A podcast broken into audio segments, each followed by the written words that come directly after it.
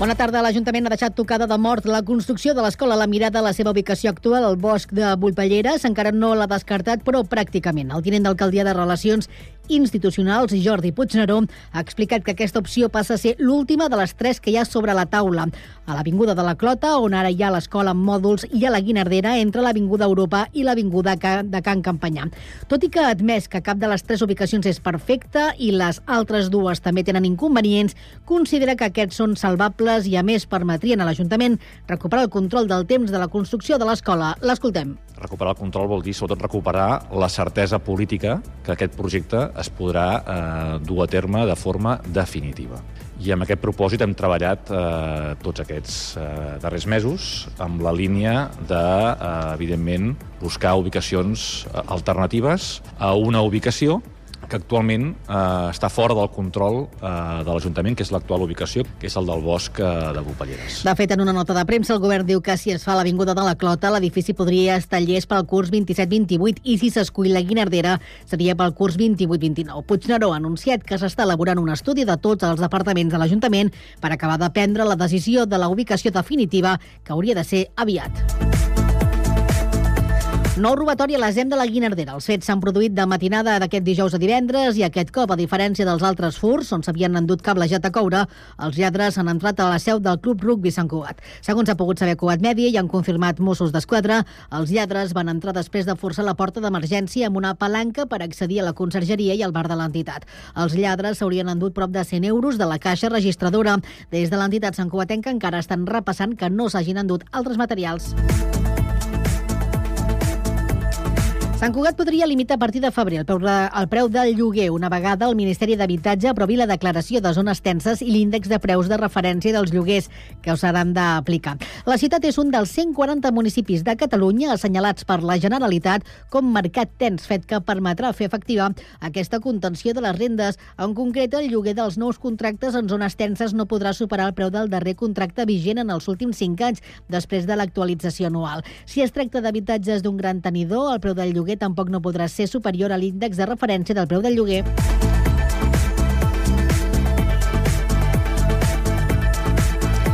Res més per ara. La informació torna d'aquí una hora a la mateixa sintonia i constantment a internet a www.cugat.cat.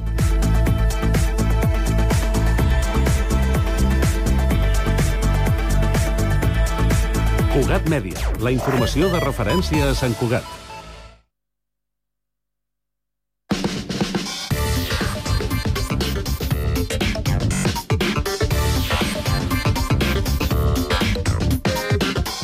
De la tarda, 3 minuts, inici de la segona i última hora d'aquest Connectats de divendres. Anem amb la informació de servei, comencem pel trànsit. Sílvia Delamo, bona tarda. Hola, molt bona tarda. Doncs en aquests moments hem de dir que uh, se circula amb certa tranquil·litat. Hi ha hagut més moviment després de dinar, però uh, tot, uh, tot i això no vol dir que es compliqui la tarda encara més. La situació, per exemple, és complexa a la 2. Un camió que transportava vehicles ha volcat, està uh, just al, en una zona on uh, es, pot es pot transitar però s'ha de retirar i llavors a Sant Feliu, en sentit Lleida, hi ha 6 quilòmetres a l'altitud. Tenim la ronda del litoral amb algunes aturades en sentit Trinitat i també la ronda dalt amb algun punt d'aturades a la B30, a Barberà, al lateral de la P7 amb problemes a Tarragona i en el cas de la C58 hi ha aturades que serien el mateix nus de la Trinitat cap al centre ciutat. Això és tot. Molt bona tarda. Gràcies, Sílvia. Bona tarda i bon cap de setmana. Anem ara fins al Transmet. Albert Garram, bona tarda. Doncs avui divendres tanquem una setmana on hem parlat majoritàriament, i avui no és l'excepció, de normalitat a la xarxa de transport públic de l'àrea metropolitana. Els principals operadors de transport no han informat fins al moment de cap incidència, així que les diferents línies funcionen sense cap alteració destacable, on es mantenen les freqüències i horaris habituals, tant els serveis ferroviaris com de bus. De moment això és tot des del Transmet.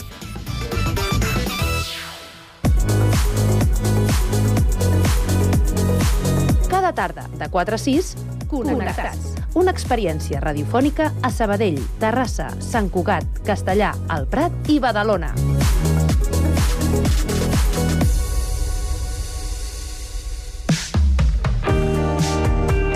Veus locals.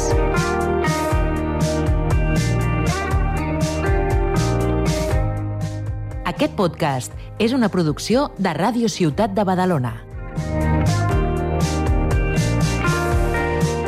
Les baixes temperatures de l'hivern són un problema per a molts que no aconseguim adaptar-nos al fred.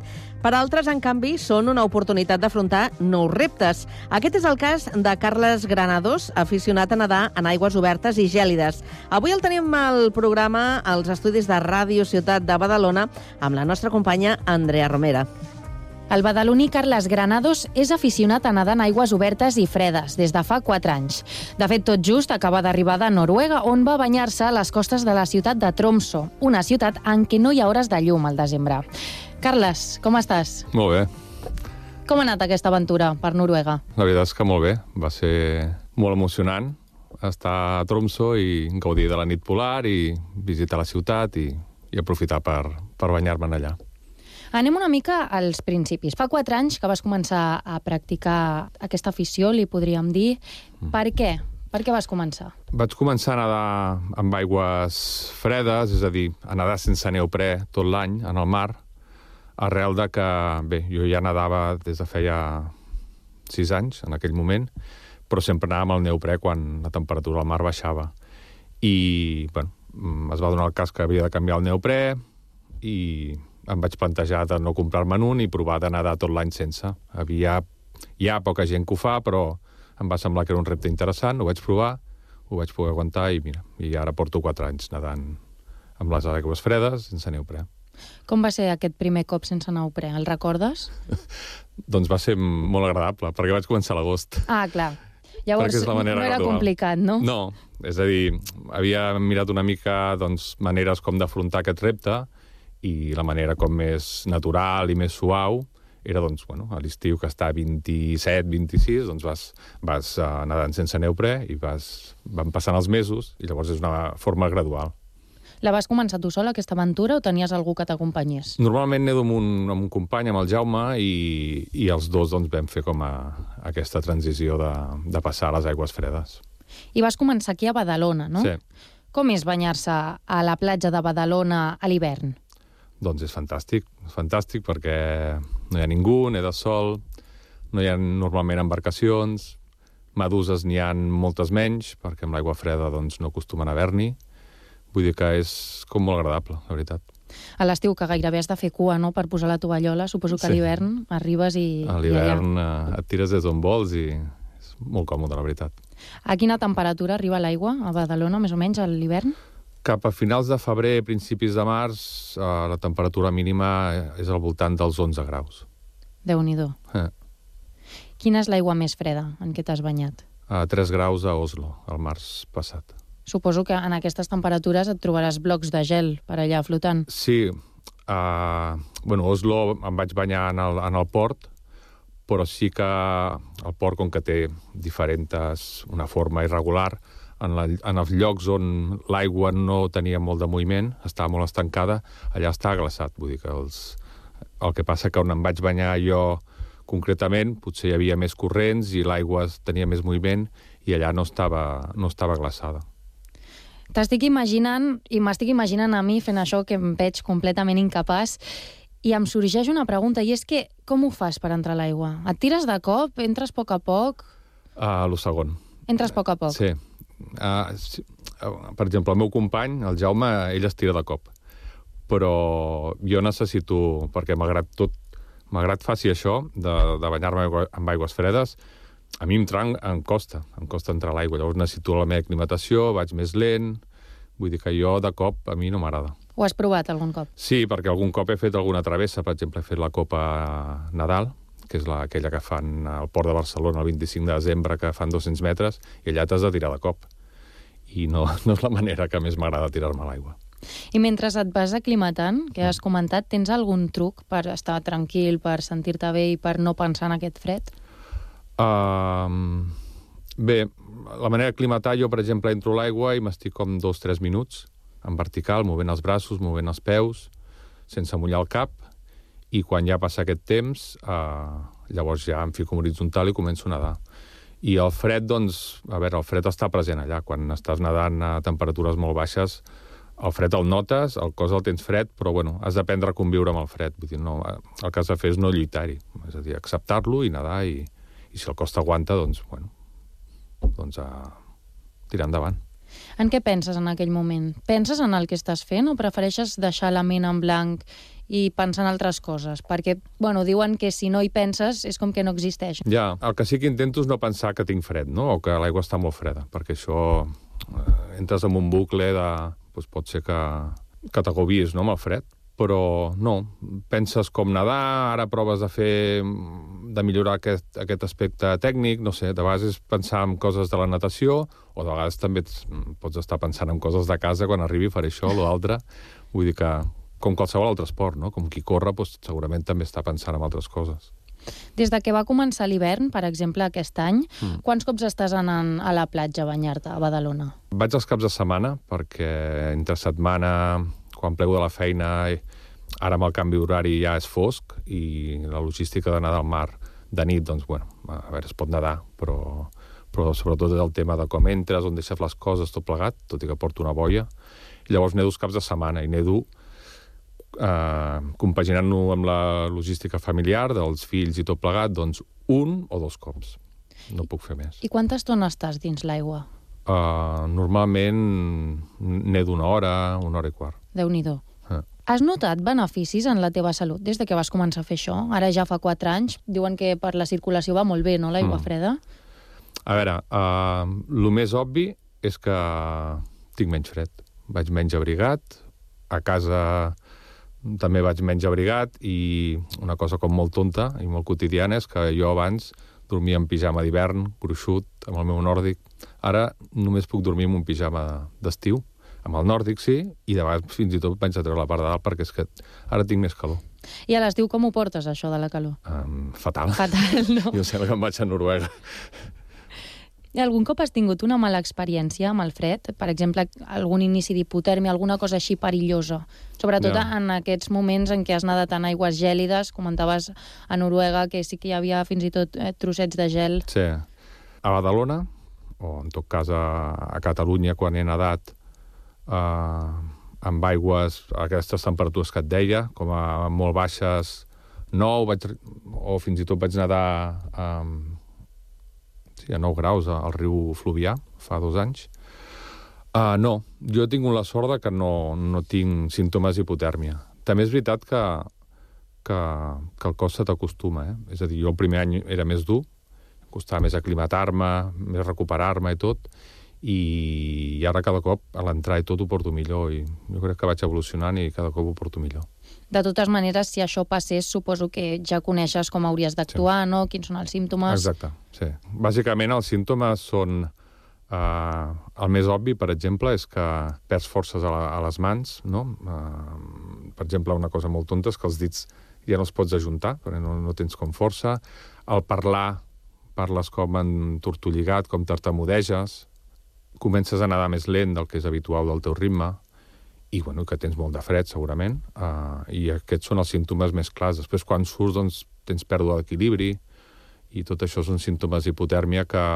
Bueno, l'equilibri, si no surts, no, no ho notes, però el que deia al principi, si quan detectes això, el millor és sortir, mm, abrigar-te bé i, i deixar-ho estar per un altre dia. I demanar ajuda, no?, si és necessari. Sí, si la cosa va més i no et recuperes abrigant-te i tot plegat, doncs, uh, i prenent algú calent, doncs sí, doncs potser sí que és millor doncs, anar a algun centre mèdic. Quina diries que és la pitjor part? Des de que arribes, et banyes i surts de l'aigua. doncs, per exemple, et diria, i és una cosa molt tonta, quan... Bueno, jo tinc, tinc la sort que tinc una caseta a la donzella, i llavors la logística de, de deixar les coses i tot plegat és, i d'arribar és molt més fàcil, no? Quan et fiques a la dutxa amb l'aigua calenta, et crema la pell, sí. és horrorós, perquè clar, tu tens fred, et vols ficar, de seguida et vols... Eh, i dutxar-te amb aigua calenta de cop, no? Has de començar amb una aigua fresqueta, tèbia, i aquest tros, per mi, és el pitjor, perquè és que em fa mal tota la pell, et pica, i que dura res, eh? però això. I el moment en què surts de l'aigua, perquè clar, a vegades passa a l'estiu, no? quan se'n va el sol, comença a córrer airet i surts de l'aigua i dius, ai, no, no vull sortir perquè estic millor dins de l'aigua que fora. Yeah. Això ja passa a l'estiu, no vull ni imaginar-me l'hivern.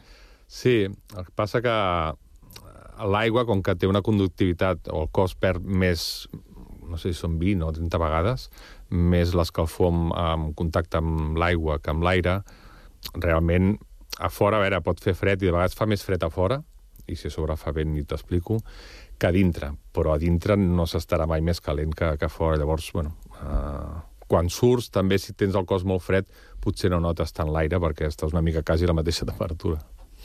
Hem parlat ara de la pitjor part, que té això de nedar en Mm. aigües fredes, però anem a parlar de la millor. Quina és per tu la millor? Per començar, que fas un esport molt saludable, que no té impacte, que, que treballes tot el cos, i això com a esport ja, ja és molt bo. Bueno, sempre em dic que la natació és molt bona, mm, sigui la piscina, sigui el mar, eh? Després, a, a mi particularment el mar m'agrada molt doncs perquè té, estàs en contacte amb la natura, és un medi que, que no és el nostre, no? però que té un punt d'aventura, un punt de risc, que bueno, doncs, eh, és bastant que m'atrau, no? I, I després que el mar cada dia és diferent, no? Hi ha dies que hi ha onades, hi ha dies que hi ha corrents, hi ha dies que està més tèrbol, més cristal·lí, hi ha dies que veus més animals, llavors aquesta part també és molt, molt maca. Anem a parlar ara de la teva experiència a Tromso, que ja ho havíem mencionat una miqueta al principi. Al principi anaves a veure's aurores boreals, Sí, no? sí. I ja que estaves vas dir, bueno, doncs em faig un banyet. Exacte. Les has pogut veure, les aurores boreals? Uh, no. No. No, vaig estar quatre dies, perquè bueno, no, no em donava per més les vacances. Però clar, les aurores boreals tampoc no són cada dia. Ha de coincidir, que mm. hi hagi activitat solar, que arribi en la zona on estàs tu i que la climatologia, és a dir, que no hi hagi núvols, t'acompanyi. Sí que a Tromso, a aquesta època, o mentre estan amb la nit polar, tens més possibilitats perquè no hi ha el sol durant 24 hores. Per tant, tens més fr- franges de, de foscor, però en el meu cas no, no les vaig poder veure. I l'única nit que hagués pogut, doncs, malgrat vaig intentar veure-les i vaig sortir de nit i tot, no les vaig acabar de veure. Eh, és l'espineta que tinc clavada. Una llàstima. Sí. El que sí vas poder fer és banyar-te Sí, i, de fet, ja t'has banyat també a Oslo, comentaves abans. sí. Estàs molt centrat en els països nòrdics. Per què això? Doncs jo quan, quan eh, vaig començar a nedar amb aigües obertes, eh, bueno, he estat fent travesses per Catalunya tot plegat, però al final doncs, tens el coquet de dir, va, doncs, vull fer una travessa fora, no? I ja vaig anar a nedar una travessa, o vaig intentar nedar una travessa, que la van anul·lar per mal temps a, a Cornualles, a Anglaterra, i ja se'm va quedar com el rau-rau de dir, bueno, doncs, de tant en tant, quan pugui, faig una nedada fora de, de Catalunya. I, bueno, arrel d'aquella experiència a Anglaterra, que malgrat tot vaig nedar, encara que havia mal temps, eh, el següent repte era buscar un altre lloc. I, bueno, no sé, buscant per internet i tot, veus un dia una foto d'un fiord i dius, hòstia, és que això és un entorn absolutament diferent del que tenim aquí, Costa Brava, que és preciosa, no la trobes enlloc, però em va atraure el fet d'anar damunt un fiord, amb aquelles parets tan altes, tan angost, i a partir d'aquí doncs, ja va ser bueno, doncs, Noruega i mira aquí, allà, i, bueno, i al final doncs, ara he anat a Noruega ja uns tres cops. I, Tens previst tornar-hi Sí. properament? Sí. I tens previst algun altre país, algun objectiu que et proposis vull nedar en aquest mar o a la costa d'aquest país? No, no, no, no, no tinc, no, potser no tinc el repte de, de fer-me tots els oceans ni coses així, però sí que buscar-me doncs, eh, nedades en entorns eh, singulars, eh, que, diferent de lo que tinc aquí. I, I Noruega és un país que m'ha agradat i que i, bueno, i m'agradaria doncs, conèixer més racons d'aquest país i bueno, ja tinc altres, altres uh, reptes per anar-hi. Tens algun somni de dir abans de morir m'agradaria fer això? No, en un moment m'havia plantejat de, de travessar el, de fer l'estret de Gibraltar. I, però és una cosa que necessites mm, entrenar bastant i, i també que tinguis la sort d'anar allà i una mica com les aurores boreals, que et coincideixin les corrents, no sé què, vull dir que també és una mica arriscat entrenar això perquè no sempre quan hi vas tens l'oportunitat de poder-ho fer. No, ara mm, jo, la, si més no, estic en una època que, que vull nedar per gaudir i tenir experiències en llocs diferents i tot. I així com a gran repte, potser sí que voldria fer una marató del mar, que són 10 quilòmetres, que, que això sí que crec que ho faré, i em buscaré alguna travessa per, per nedar aquests 10 quilòmetres. Potser això, veus? Doncs, Carles, estem arribant al final d'aquesta entrevista i per acabar-la t'hem demanat una cançó. Tu has escollit Mirror, de la cantant noruega Sigre. És aquesta cançó que sentim de fons. Per què has triat aquesta cançó? Um, doncs perquè quan fa 3 anys vaig decidir que volia anar a Noruega i amb un fiord i tot plegat, doncs, bueno, comences a mirar coses de Noruega i com passa amb, el, amb internet, que els algoritmes a Noruega, no sé què, pum, i et salta una cançó de d'una cantant noruega, em va agradar, vaig escoltar una altra cançó i al final doncs, és una de les cantants actuals de música pop que, que penso que, que està molt bé i, i per això vaig escollir aquesta cançó. Doncs la deixem sonant i ens acomiadem. Moltes gràcies, Carles, per acompanyar-nos i per explicar-nos la teva experiència amb, amb la natació en mars i llacs i espais oberts, sí. eh, freds i gelats. Molt bé, moltes gràcies a vosaltres.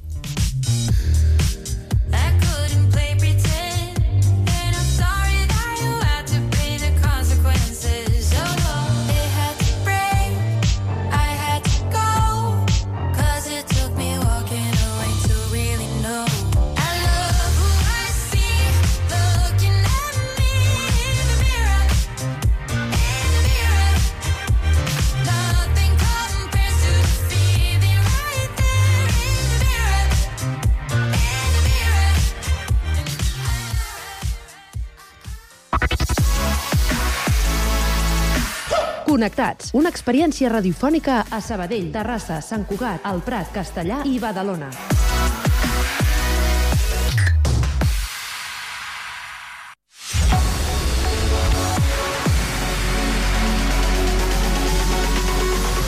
Connectats a les xarxes.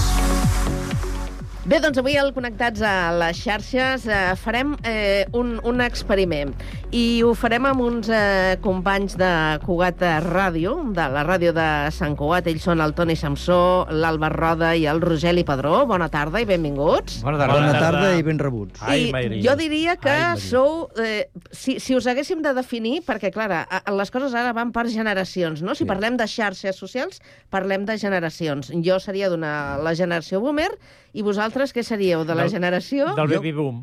Sí, el baby boom. I, i, i, i de, de, dels, anys, dels anys 60, també. Jo em considero de, de, de l'època i dels anys... De l'època Beatles, diguéssim, de l'època sí. Beatles. Sí, Sou pre-boomers. Som pre-boomers, això mateix, pre-boomers. Som del 54... Jo crec que és una... És, és una generació bona. Oh, I tant. No? No, no, però si ara no es tracta de catalogar si érem ah, no? ah. més bona o més dolenta. Es tracta de veure quina és la vostra relació amb les xarxes socials. Uh, uh endavant. Què és, què és això? Què és xarxes això? socials. Què és això? I, i, I tu me lo preguntes. que sé com és. Eh? eh, eh, M'imagino que feu servir xarxes socials. Algunes. A veure, quines? Jo, algunes. Jo concretament faig servir el WhatsApp, sobretot no tinc Twitter, no tinc Instagram, no tinc... Bueno, Twitter, que ara és X, no? Uh mhm. -huh. Que no saps de què es parla quan diu uh, X. Eh, la Abans era una altra cosa, no? Ara es confon, ara. Aleshores jo, el WhatsApp sí. I, I estic més enganxat del que m'agradaria. I això que vaig trigar molt a tenir mòbil, però és molt fàcil. WhatsApp només? Només WhatsApp. Jo tinc de, tinc de tot. Tinc Facebook, tinc uh, uh, WhatsApp, tinc eh, telèfon mòbil, evidentment, també, que l'agafo, i ara ho comentàvem amb un company també, l'agafo com si fos un telèfon eh, fixe. És a dir, quan jo estic treballant no estic fent alguna feina, tot i que estic jubilat, però quan estic fent cosetes meves, doncs de 8 a, a, a, a migdia, per exemple, no, no agafo telèfon. Fas i, horari d'oficina. Exacte, i llavors ho agafo tot, ho, el, el que m'ha arribat, eh, contesto, responc, i sempre I intento... totes aquestes xarxes les eh, treballes les faig... a, tra a través del mòbil? Sí, però jo, és a dir, rebo més del que dono en aquest sentit eh, llegeixo tot gairebé i responc algunes coses. WhatsApp responc, responc a trucades, responc també a alguna cosa d'altres mitjans, vaja. Uh -huh. I Alberto? Jo els utilitzo uh, poc. La veritat és que el, el que passa és que... Però què tens? Què tens? Quines xarxes Twitter, fa servir? Twitter, WhatsApp i Facebook, segur. Després l'Instagram, alguna, alguna coseta, alguna mm. cosa he fet, però molt poca perquè arriba un moment que ja no, no tinc per què posar masses coses allà a l'Instagram, però bàsicament eh, aquestes tres coses són les que utilitzo més. WhatsApp és el que s'utilitza més, evidentment, doncs, perquè, perquè tens un, un contacte molt més directe amb tota la gent que, tens, que et relaciones, no? I per tant aquest WhatsApp és, és una eina bastant, bastant bona, el que passa és que el WhatsApp el que passa que eh, moltes vegades el tanco i, jo l'obro cada, cada matí o cada tarda, però no, no estic pendent constantment del WhatsApp perquè si no seria un drama. O sigui, no estàs enganxat, com abans assegurava el Toni? Sí, sí home, una mica enganxat sí, perquè evidentment doncs, sempre el primer que fas al matí és aixecar-te i obrir, com que el tinc en modo avion, que es diu, doncs llavors doncs, l'obro per veure aviam què hi ha. Però hi ha tot un reguitzell de coses i llavors les contesto, no les contesto, i després el tanco, després al migdia el torno a obrir, vull dir, l'utilitzo però no estic pendent absolutament sempre del WhatsApp. Jo xafardejo, xafardejo una mica, també. A mi m'agrada... Bueno, Facebook xafardejo, sí, jo també. Tafanejar, sí. també, veure què surt per aquí per allà, durant un, un temps determinat del dia, i a partir d'allà ja no, ja no ho torno a mirar. Jo el que, el, que sí, el que sí que faig és desconnectar els avisos acústics. Això em posa molt nerviós. Saps aquesta gent que a vegades vas, a, vas al tren, sobretot al tren, el tren és... El pipi. Ah, sí tot el dia així, que sembla que això no puc suportar. I sempre tinc amb, amb, amb, amb so desconnectat. Aleshores, si m'interessa, vas mirant, vas connectant, i això, però vull dir, intento el so aquest. I després, on estic molt enganxat és a l'Spotify, això sí. Sí. Per mi és dels no, millors invents. L'Spotify sí, també l'utilitzo, perquè a més a més jo estic a dintre de l'Spotify, per tant... Bueno, tu sí, clar, perquè... Ets artista. És artista. Bueno, artista. és el no, no, artista. No, Canta, toca, soc, balla... Soc un artista intimista, perquè en el fons vull dir, ho faig pels amics i per la gent és, que, que, que em eh, coneix, però... És un artista, però a més, ara perquè no ho veieu, perquè clar, la ràdio en aquest cas no hi ha, no hi ha càmera, però és que ara està amb les seves ulleres de sol, que sembla... Que fa un sol que es patega. Sí, sí, amb, no, amb el Mick Jagger aquí fent una entrevista. La guitarra, només. Però veus? A la revista dels veus? Rolling És important. El gest és molt important. Molt, molt. El gest. Per tant, m'he posat els ulls de sol. Per què? Perquè parlàvem de la generació sí. dels 60, Això dels 70... Així. És molt Però important. jo, pel que expliqueu, tinc la sensació que eh, sou més observadors que... Que, que utilitzadors. Que, sí. sí. Que... Jo sobretot. Sí. No, no, no, no, no acabeu d'estar allò supeditats, no, no, independents... No. Ni... Hi ha una cosa que no m'agrada d'Instagram, que és el que veig, eh? no sé si és ben bé així, perquè jo de les meves feines tinc per seguir tota la tecnologia, i això que he venut molta tecnologia, però vaja, una cosa que la venguis, l'altra cosa és que, que, que hi participis.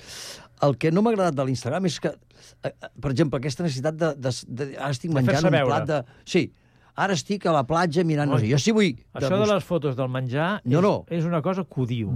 Que és que jo no entenc que hagis de dir sempre no on ets i què estàs fent. Jo sí vull enviar una foto que estic a la platja i m'agrada, hi ha un dia d'aquells de tormenta, això, envio una foto que crec convenient i ja està, o la faig per tenir-la, no? Faig molta foto, això sí que ho faig. O sigui que no, no, no us agrada aquest aspecte d'aparador no. aparador no, mundial, però, no? No, no, però aquí, jo sempre dic una cosa, que parlar d'un mateix és pornogràfic. Bueno, si estàs bo. No. Benvingut sigui. No, però veus com tu ja has pensat d'una altra manera? No, no, no, no, no, no estic parlant estètica. Pornogràfic en el sentit de que parlar d'un mateix és pornogràfic. Sí, sí, per tant, sí, moltes vegades aquesta gent que posa les seves jo... fotos, les seves, els seus menjars... Mare sí. meva, això és... Jo crec que és, que és més interessant fer coses, això sí, fer coses i, en tot, la i, i, i compartir-les. I, i en, no, en, en qualsevol cas que hi hagi algú altre interessat en allò que tu has fet i, i, i que ho publiqui o que, o, o que ho esventi, no? o, que ho, ho digui o, o que ho posi a, a les xarxes. A mi això no em preocupa en absolut eh? sigui en un moment, en un acte públic, sigui en una activitat, sigui en la presentació d'un llibre, això m'és igual. Ara, mm, fer-ho fer, fer, fer jo mateix em sembla una no cosa, un part, una part d'allò de l'ego, no? d'un sí. mateix, dic, mira, jo és que sóc collonut, eh, fe, preparant això que deia ara el Toni i l'Àlvaro, no? preparant plats combinats o preparant plats de cuina o, o tocant la guitarra. Doncs no, jo, jo, jo toco faig activitats i que la gent després opini i, i faci el que calgui. Tu poses ballades de sardanes. Per exemple. Per exemple. I escolteu una cosa, no heu tingut allò la curiositat de, uh, de fer-vos uh, tiktokers, allò, per, per no, veure com funciona no, mai. Aquest tipus de, de xarxa? que primera és una mica no sabria, més diferent. Primera que no sabria per on començar. Mm. A mi m'agradaria, per exemple, a vegades penso, ostres, podries fer un vídeo d'això, un vídeo d'allò i tal sóc incapaç, perquè tinc, ja dic, ja ho he dit abans, el meu coneixement tecnològic per d'utilitzador eh, és molt limitat. Però la, la necessitat de fer-ho no. Sí que m'agrada si veig una foto que, està, que és interessant i els envio a la meva família, als meus fills, per exemple, els hi faig una foto, els envio i això. Però allò d'exposar-ho tot, que tothom sàpiga tot moment què estic fent i què deixant de fer, això. Mm. Crec que no és, que no, no, no, no m'aportaria res, i a més no, crec que no és necessari. El que vulgui Ah, saber amb- de mi ja sabrà on trobar-me o el que, jo què sé. A mi el TikTok, a mi, a mi el TikTok m'agrada, per exemple, però Sí? m'agrada però m'agrada, hi ha una, co- eh, algunes coses. Llavors, el que no trobo bé és que no hi hagi una selecció. És a dir, que cadascú pugui posar allò que li doni la gana. Llavors trobes, si em permeteu l'expressió, algunes xorrades que dius, "Ja estic, aquí ja estic perdent el temps. Però no les per pots- tant, hi, pot- hi, hi, pot- hauria... Pots apretar el botó per, per no Sí, eh? també, també. O sigui, Però vull dir- apretar el botó i veure-les és una cosa teva, ja, eh? No és una cosa del que ho fa, Sí, però a vegades el, el que et surt és sorpresa, que dius, això que a mi no m'interessa. Jo ja ni l'obro. I, I hi hauria d'haver una, una preselecció de coses que, que a vegades arriben a un límit a, a la falta de respecte envers les persones o envers un ambient, una entitat, una associació, o envers Catalunya mateix, o aspectes de tipus polític que dius, home, a veure, és l'espai aquest? Jo diria que no. Per tant, una, una preselecció jo crec que hauria de El ser. que passa és que no podem ser negacionistes, en el No, fons. Dir, no cal. és, evident, Però- és evident que existeixen a les xarxes socials, el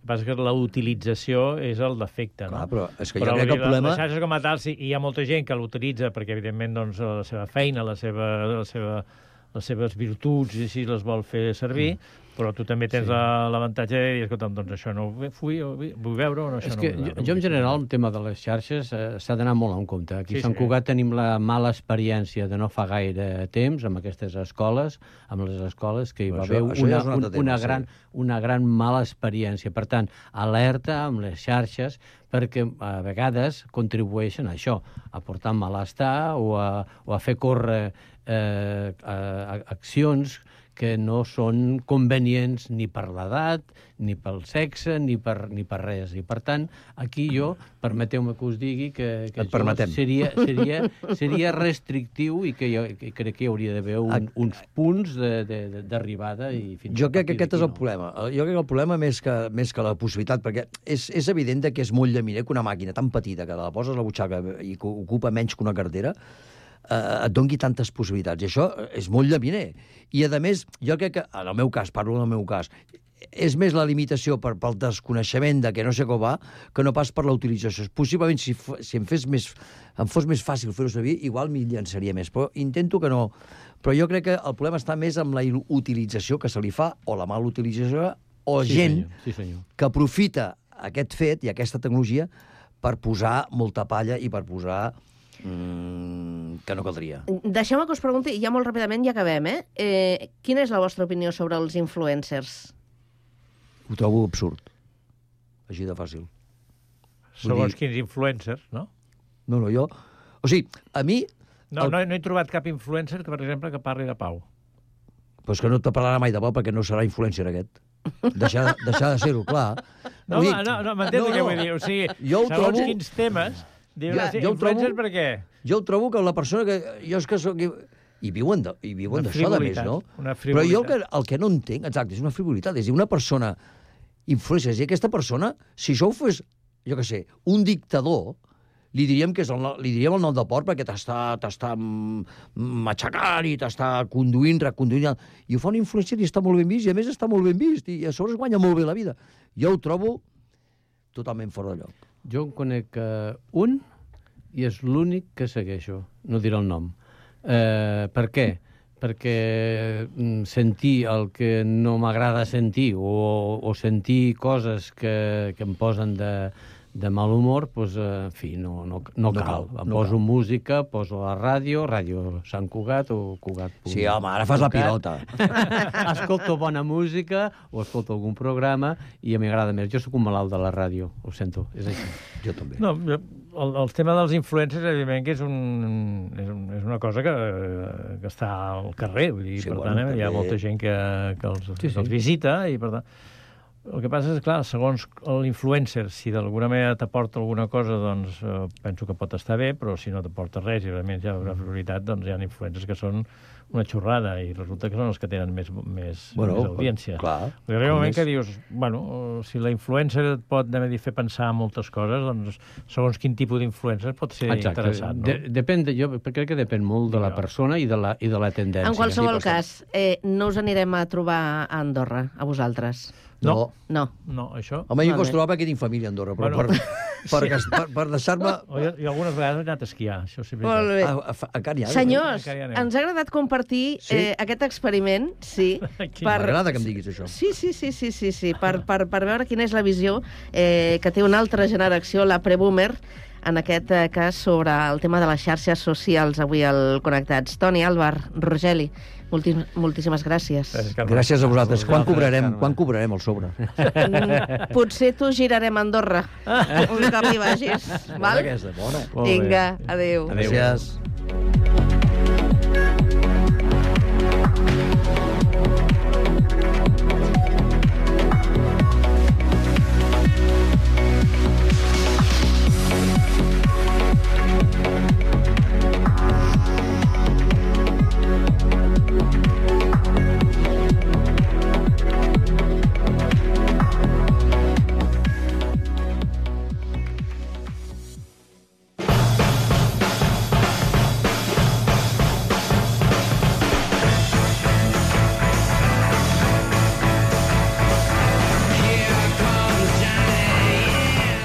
I com cada divendres, acabarem el programa amb la secció de cinema que condueix el periodista Jordi Guillem i el nostre company Sergi Estapé. Molt bona tarda. Bona tarda, Carme. Doncs, eh, efectivament, comencem la primera secció de cinema de l'any, que, com sempre, mm, compta amb la presència del periodista de diari de Terrassa i cinèfil, Jordi Guillem. Bona tarda. Bona tarda, com estem?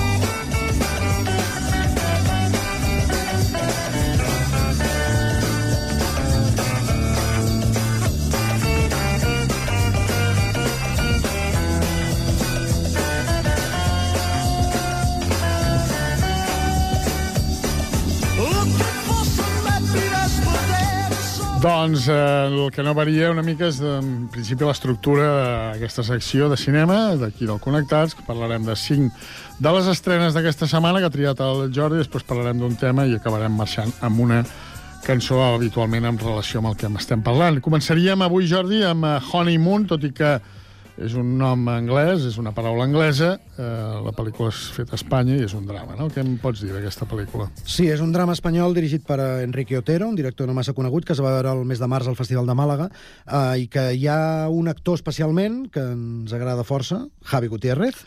Eh, Gutiérrez, un crac autèntic.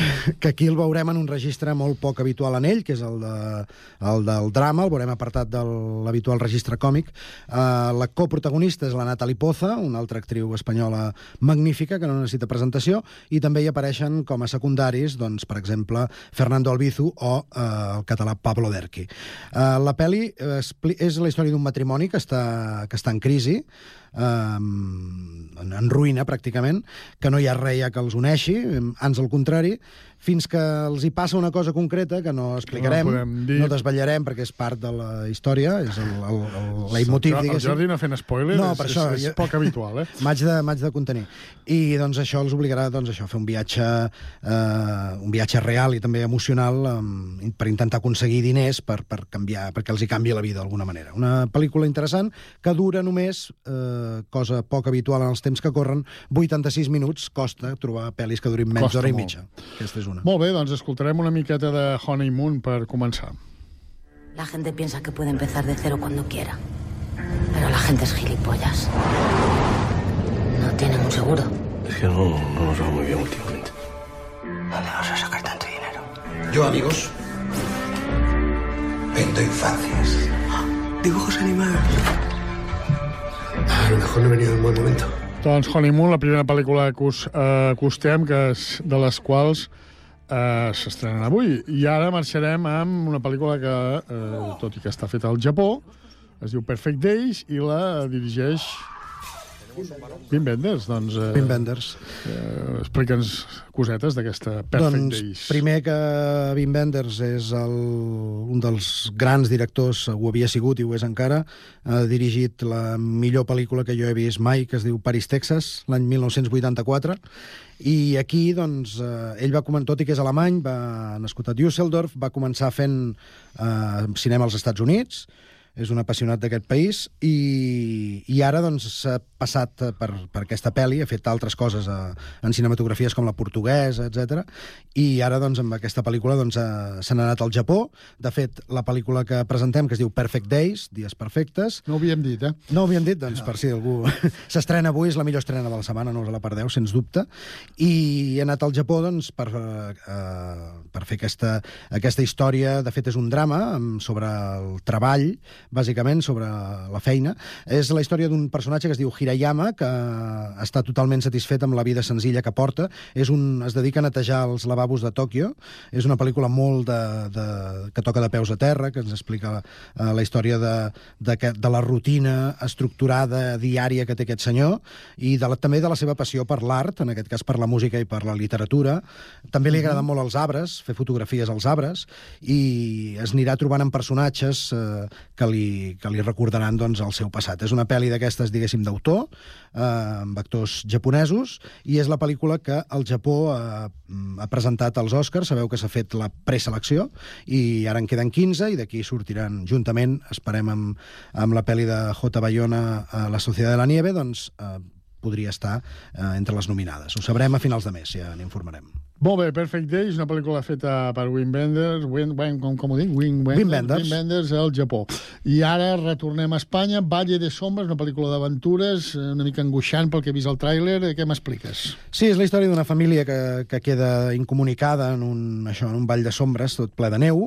És una pel·li que té dues nominacions Està basada en als Goya. o no? No, crec que no. No, no, no. És una, és una ficció, vaja. Música de Roque Baños, eh, dura dues hores, i el protagonista és un actor que a mi no m'acaba de fer el pes, tot i que últimament he vist alguna cosa d'ell que està bé, que és Miguel Herrán, eh, i Susana Baitua, que és una actriu bastant interessant.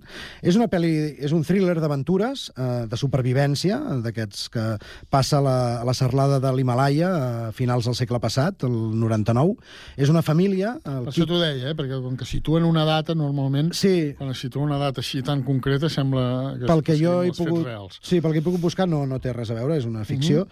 -huh. uh, és una parella amb un nen petit que estan de vacances uh, al nord de la Índia i una nit, mentre estan dormint al ras, doncs apareix una, una brutal tempesta i també apareixen uns bandits doncs, que els ataquen. Uh, ell perd el coneixement, el personatge el, uh, que interpreta Miquel, uh, Miguel Herrán, uh, i a partir d'aquí doncs, es troba en una, en una aldea allà perdut, uh, perd, perd el sentiment, diguéssim, no, no es diu aldea. Un poble. un poble, un poblet, un llogarret. Doncs es, està allà aïllat i, clar, la història és que no pot tornar a, a la civilització, diguéssim, fins que no arribi el de gel i es pugui sortir d'allà. Llavors té la seva dona i el seu fill petit, doncs, eh, que no sap quan els No podrà veure i està. tot això, i és, en aquest sentit és un thriller així, dirigit per Salvador Calvo, bastant, bastant angoixant, que, que, com deia, té dues nominacions, els, tres nominacions als Goya. O sigui, una pel·lícula interessant. Saps què farem ara? Escoltarem Què farem? un trosset, Un trosset, de vinga. Valle de Sombres. ¿Te he contado que fue aquí donde Shiva meditó durante mil años? Estamos en tierra de dioses. Son enormes. El colocón que debe dar. ¡Hola! Ella quería volver a él, pero me empeñé. Oye, ¿sabéis algo de las personas desaparecidas? Aquí encuentran su sitio. Esto es el paraíso. Mañana puedes estar sentada en el techo del mundo. No estaremos perdidos ahora, ¿no? Valle de Sombres, aquesta pel·lícula de thriller d'aventures que ens eh, comentava el Jordi. Ara marxem a Xile, un documental, La memòria infinita, sobre el tema es parla molt de l'Alzheimer, no? Sí, és, és un documental, tot i que en els Goya està, està seleccionada, que ja em sembla bé, eh, a millor pel·lícula iberoamericana, o llatinoamericana. Es va veure al Festival de Sant Sebastià, la secció de Perles, va ser premi del jurat al Festival de Sundance i també premiada per l'Associació de Crítics Nord-Americans. És una pel·li que jo tinc moltes ganes de veure, curta també, 85 minuts, i és un documental que explora la vida d'una parella ja entrada en anys, l'Augusto i la Paulina porten eh, vivint junts 25 anys, i un bon dia, o un mal dia, a ell li diagnostiquen Alzheimer, Uh, ja fa 8 anys que, que pateix Alzheimer, i a partir d'aquí doncs, el, la directora, que és Maite Alberdi, que és una cineasta uh, xilena, de fet la pel·lícula xilena, uh, doncs explora la relació que tenen ells amb, amb imatges del passat i del present, amb com, com diguéssim que la gran por que tenen, òbviament, com tots els malalts d'aquesta malaltia, és que, que arribarà un dia que ell serà incapaç de reconèixer-la, no? I això, això genera doncs, eh, una angoixa important. És una pel·li que pot semblar molt melodramàtica, no ho és gens, uh -huh. eh, perquè la, la Maite Alberdi la dirigeix amb, amb, amb, molt, amb, amb molta gràcia, diguéssim, i els protagonistes són els, els personatges, interpreten ells mateixos, Augusto Góngora i Paulina Urrutia, una pel·li que, això, que Xile ha preseleccionat pels Oscars, a millor documental en aquest cas, que va passar per Berlín, per Sant Sebastián, etc i que també us la recomano si, si teniu ganes de veure un bon documental. Molt bé, marxem cap a Itàlia. Un drama es diu El Rapto, un drama de... Bueno, que està al 1800 i pico, no? no? Sí, 1858, a Bologna, Itàlia. Els soldats del papa hi rompen a casa dels Mortara per segrestar el nen petit, el, un nen de 7 anys que es diu Edgardo, i la pel·lícula és la, la, la lluita constant d'aquesta família per intentar recuperar eh, el seu fill davant d'aquesta acció impròpia eh, de l'Església Catòlica. Eh, és, la família són jueus. Ens... Sí, és, és una pel·lícula basada en fets reals, aquesta sí, dirigida per un cineasta italià eh, mític, m'atreviria a dir, com és Marco Bellocchio, i, en fi, no hi ha actors massa coneguts, però la posada en escena és molt interessant i, i la pel·li també té, té el seu què. És llargueta aquesta, 125 minuts, Uh -huh. i també és una Avui de les estrenes de, de importants. llargues i de curtes, eh? Sí, no, tenim, tenim de tot, eh? sí, sí. Molt bé, doncs eh, escoltarem també una mica d'aquest El Rapto, aquesta pel·lícula, aquest drama eh, que es va fer a Itàlia. Señor Mortara, su hijo Edgardo ha sido bautizado y tengo órdenes de llevármelo. ¿Qué? Un bautizo no se puede cancelar. Su hijo ya no es judío, su hijo es cristiano. Entonces se lo llevarán. Sí.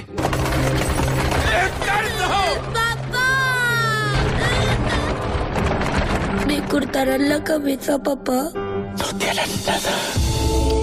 Doncs aquest drama, aquest rapto, eh, dirigit per, com era, Marco Bellocchio? Marco Bellocchio, Marco Bellocchio, que també podeu veure a partir d'avui. També s'estrena aquest cap de setmana Chicas Malas, un musical fet als Estats Units, una pel·lícula d'acció també dels Estats Units que es diu Beekeeper El Protector, una comèdia feta a Alemanya que es diu Tabo i el caso del rinoceronte, i ja la resta són pel·lícules fetes a Espanya. Una comèdia que es diu Palacio Estilistes, un drama que es diu Caleta Palàs, Palas, suposo, un drama que es diu Las tierras del cielo i un documental que té el nom de Cine, registro vivo de nuestra memoria. Fa gràcia. Sí, fa gràcia perquè em sona com a antic, no? Aquelles Dantes. coses antigues. Volies parlar dels Globus d'Or, no? Ja sabeu que jo sóc anti... Antipremis, jo també, No, eh, no, de antipremis no, anti parlar d'una cosa que ja fa dies que s'ha... Home, diumenge, la, la matinada diumenge dilluns. No, ja no, fa a quatre dies, sí. Sí, sí, sí, bueno. Però, Però no teníem programa dilluns i no ho vam poder Val, explicar. però bé. Va, parla dels Globus d'Or, eh, que ja a l'entrada diem que no premiar la Societat de la Nieve, segons No. tu, és una mica agosarat, no? No, bueno, eh, no he vist encara, tot i que la tinc, l'he començat, eh, Anatomia d'una caïda, la pel·lícula Justin Triet, que va, que va guanyar en la categoria de pel·lícula estrangera. S'ha de dir que França, sorprenentment, els Oscars no ha presentat aquesta pel·lícula, sinó que ha presentat la pel·lícula de Juliette Binoche, que vam parlar, vam parlar. l'últim programa de Mhm. l'any, i, per tant, en, no podem fer l'associació de dir, com que la pel·lícula Justin Triet, eh, Anatomia d'una caïda, va guanyar el Globus d'Or, també guanyar l'Oscar, per tant... Perquè els Globus d'Or és una mica antes... No Diuen antesala, que és l'antesala, és, marca una mica la tendència, la tendència. de per on anirà. El que passa que els Globus d'Or estan desdoblats amb Sembla dues que Barbie categories. és una de les que esperaven Sí, va, ser, va punxar. i va, ser, sí. va punxar. Hi havia una lluita directa entre Oppenheimer, eh, magnífica pel·lícula de Christopher Nolan, que es va estrenar fa mesos ja, però que s'ha de recordar que és del 23, i, i Barbie, i va guanyar clarament Oppenheimer, per exemple, en la categoria de drama, la guanyadora va ser Oppenheimer, i també hi havia Anatomia d'una caïda, Vides passades, La zona d'interès, que és mm, una de les grans pel·lícules de l'any, Los asesinos de la luna, la pel·lícula de Martin Scorsese, mm, que és meravellosa, i Maestro, una pel·lícula que també he tingut oportunitat de veure, amb Bradley Cooper, que és eh, el, un biòpic sobre, sobre Bernstein, l'autor de West Side Story, etc, Mhm. que és una pel·li molt interessant. I en musical, comèdia o musical, que aquí no és que totes siguin comèdies o musicals, sinó que hi posen, diguéssim, les que no són drames, hi ha una pel·li que s'estrena, eh, si no m'equivoco, la setmana que ve en parlarem, la pel·li del grec Yorgos Lantimos, que es es diu Pobres criatures, eh, Òscar segur per Emma Stone, eh, donen to tothom ja. També hi havia Barbie, American Fiction, Los que se queden, que és una pel·li que vaig tenir l'oportunitat de veure la setmana passada, d'Alexander Payne, que us la recomano absolutament, una pel·li per veure amb tota la família, una història d'un professor en un internat fantàstica. Secretos de un escàndalo, de Todd Haynes, una altra de les pel·lis esperades, i Air, de Ben Affleck, que és aquella pel·li que ja es va estrenar a Netflix, que sobre Michael Jordan i quan va firmar el seu contracte amb, amb Nike. Uh, millor direcció va guanyar Christopher Nolan per Oppenheimer, de fet la pel·li es va endur cinc premis. En la categoria de millor actor principal va guanyar Cillian Murphy, l'actor d'aquella sèrie que tu t'agrada. Sí, Peaky Blinders. Peaky Blinders. Molt bon actor. Doncs Cilli, Cillian Murphy va ser, va ser l'escollit. Millor actriu principal per Lily Gladstone, per Los asesinos de la luna, la primera nativa americana que guanya un premi d'aquestes característiques, un Globus d'Or, i que sona també pels Oscars, tot i que eh, segurament Emma Stone li prendrà el premi. Millor actor principal per Paul Giamatti, que fa una performance espectacular a Los que se queden, aquest paper d'aquest professor eh, en la línia una mica del Club dels Poetes Morts, una pel·lícula molt clàssica i molt interessant. Uh -huh. Actriu principal de comèdia i musical va ser Emma Stone, també estan desdoblats aquí. Uh, actor de repartiment, Robert Downey Jr. per Oppenheimer, que fa el paper d'aquell senador, si heu vist la pel·lícula. Actriu de repartiment, Davin Joy Randolph, de Los que se queden, que és la cuinera d'aquell internat que es queda uh, tancat per vacances, diguéssim, amb pocs alumnes. Uh, millor guió va ser per Anatomia d'una caïda, Justin Triet, una pel·li que agrada molt a la crítica uh, i també al públic, és la pel·li que va guanyar el Festival uh -huh. de Canes, i eh, ja vaig acabant, eh, tenim, per citar eh, categories que, que ens interessen més, per exemple, la pel·lícula de parla no anglesa, hi havia Anatomia d'una caïda, que va ser la guanyadora, no van guanyar la finlandesa d'Aki Kaurismäki, Fallen Leaves, Jo Capitán, una pel·lícula que teniu als cinemes, es va estrenar la setmana passada, Mateo Garrone, Vides passades, un pel·lículon també que s'acaba d'estrenar, de Celine Song, i eh, La zona d'interès, la pel·li que us deia Jonathan Glazer, i, per últim, La Sociedad de la Nieve, la pel·lícula de José, Juan Antonio Bayona, que si viviu a Terrassa o a prop i queden entrades, perquè em sembla que s'estan No, acabant, queden. podeu veure a partir de demà dissabte a les 6 de la tarda amb una conferència de Bayona a continuació i a Molt les bé, 9 i sí. mitja un segon passi Val, de la pel·lícula. sí, Que posi una falca. Escolta'm una cosa. Eh, Home, farem- no, tu l'has vist, la Sociedad No, de no, però eh, Molt interessant. precisament vull reparar una mica el que no hagi obtingut un premi aviam, aviam. posant, marxant amb la banda sonora Home, molt bé. Eh, original de la Societat de la Nieve, una banda sonora que ha compost Michael Giacchino.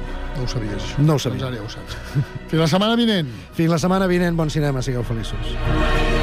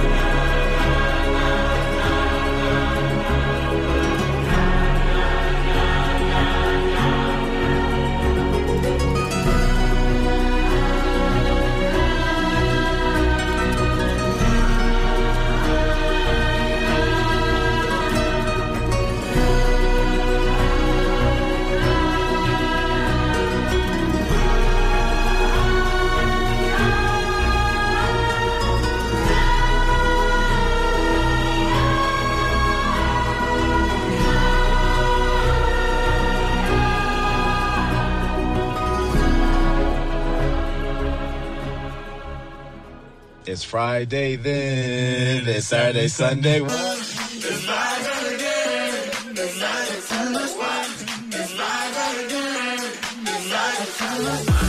Abans de marxar, un repàs de l'agenda amb les propostes per al cap de setmana i comencem amb l'oferta de Terrassa. Sergi Estapé. Bona tarda a Terrassa, demà dissabte, a les 5 de la tarda, Alicia, el musical de les Meravelles, a la Factoria Cultural, amb text de José Mollà, música original de Paco Ibáñez i la direcció de José Tomás Schaffer. També dissabte, però a partir de les 6 de la tarda i al Casal Cívic del Vapor Gran, concert d'any nou amb les corals Les Flors de Maig, dirigida per Cristina Colomer, i Veus Boé, sota la direcció de Lluís Iera. Gràcies, Sergi. Anem ara amb les propostes de Sabadell. Pau Duran. Aquest vespre a les 9 es pot veure a l'Espai Àgora Sabadell l'obra de teatre Negra Torcedora. Es tracta d'una inspiració de la novel·la Malahoja d'Alfonso Mateo Sagasta que parla de l'esclavisme i surten un tabaquer i un esclavista sucre de la Cuba espanyola de finals del segle XIX.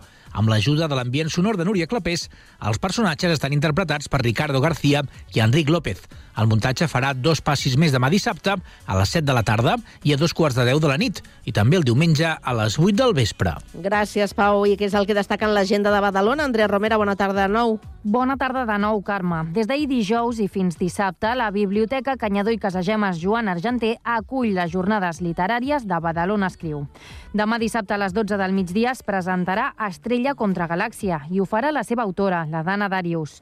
I diumenge, a dos quarts de vuit de la tarda, sentirem a Meritxell Nederman al Círcul.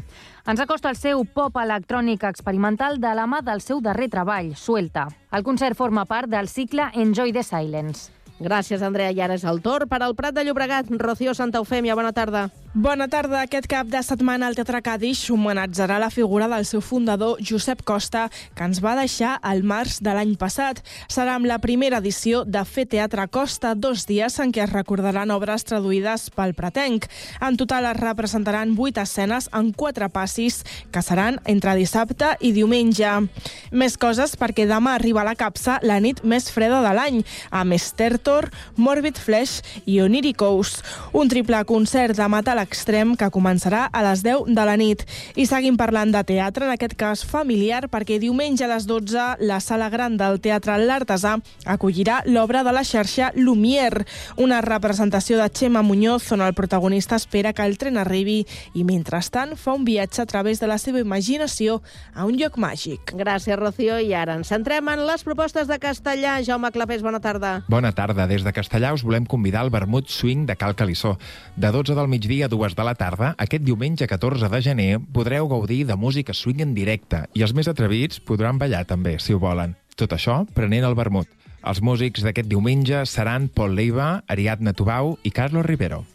Gràcies, Jaume. I des de Sant Cugat us proposem avui mateix, a partir de les 8 del vespre, teatre, al Teatre Auditori, el monòleg eh, contemporani escrit, dirigit i interpretat per Alberto San Juan a partir del mite de Don Juan. Encara hi ha entrades disponibles al preu de 26 euros. Per demà dissabte, a partir de les 7 de la tarda, 17a edició del concert benèfic Música per a la Solidaritat del Rotary Club Sant Cugat amb eh, la, la banda que ret homenatge a Coldplay i, i que coneixeu és eh, Cold Day. L'entrada general és de 20 euros.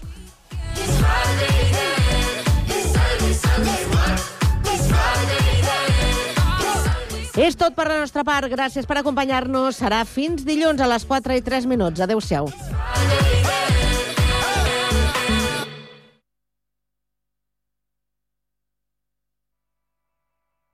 A Ràdio Sant Cugat gaudim de la música. Gaudeix-la amb nosaltres.